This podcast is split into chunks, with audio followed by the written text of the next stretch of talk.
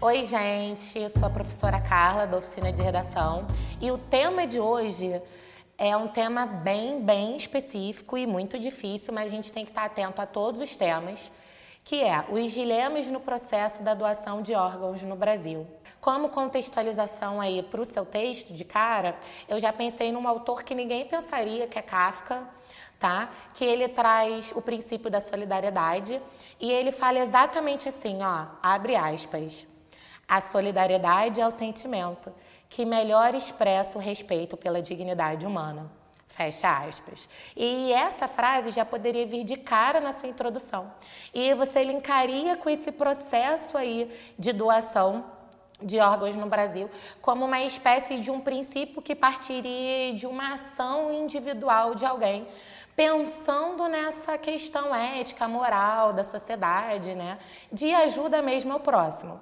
Mas você também pode trazer outras áreas do conhecimento, como a área médica, que o Enem gosta bastante, tá? Da questão de ele ser aquela pessoa que vai salvar vidas, ou a própria Constituição, porque a nossa Constituição cidadã nos garante o direito à saúde. Aí você faz esse caminho todo linkando com o tema, não esquece de linkar e coloca na sua tese, por exemplo, que você vai ressaltar as causas desse percalço. E no seu desenvolvimento 1, vamos lá. Causa 1, pessoal. Você pode falar da desinformação do processo né, perante a população, que sabe muito pouco sobre doação de órgãos, e da falta do empenho do governo nesse processo de conscientização. Você pode linkar essas duas causas como uma causa só Tá? Na causa 2, do desenvolvimento 2, vocês podem trazer a falta de investimento em uma saúde preventiva e não curativa, você ainda continua nesse sistema aí de falar do governo, tá? Mas de uma forma mais específica, porque a gente precisa mudar uma cultura de saúde no Brasil, que é uma saúde que só quer curar doenças e não prevenir a doença, tá? É, normalmente um paciente ele é hipertenso ou diabético. Esse paciente, ele futuramente poderá ser alguém com problema nos rins e mais, ou no coração, né?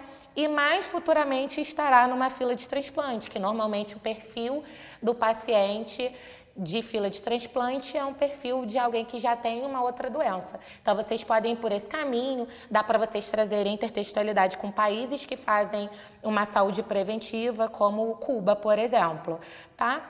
E por último, na proposta aí de intervenção, vocês podem partir para o Ministério da Saúde, né, criando mudança nessas políticas públicas com a disseminação de postos de programa de saúde da família, já que esses postos têm como obrigação mapear os pacientes, né, fazer essa saúde preventiva aí. Então vocês vão disseminar esses postos a fim de que diminua a fila de transplante no Brasil, ou então vocês podem ir para o Ministério da Educação educação nessa questão de criar sistemas informacionais sobre a importância da doação de órgãos, tá? Então, isso fecharia bem a sua proposta de intervenção. Não se esqueçam de responder as cinco perguntas e nós estamos aqui sempre com você nos podcasts, dando esse auxílio. Eu sou a professora Carla e espero vocês nos próximos áudios. Obrigada, galera.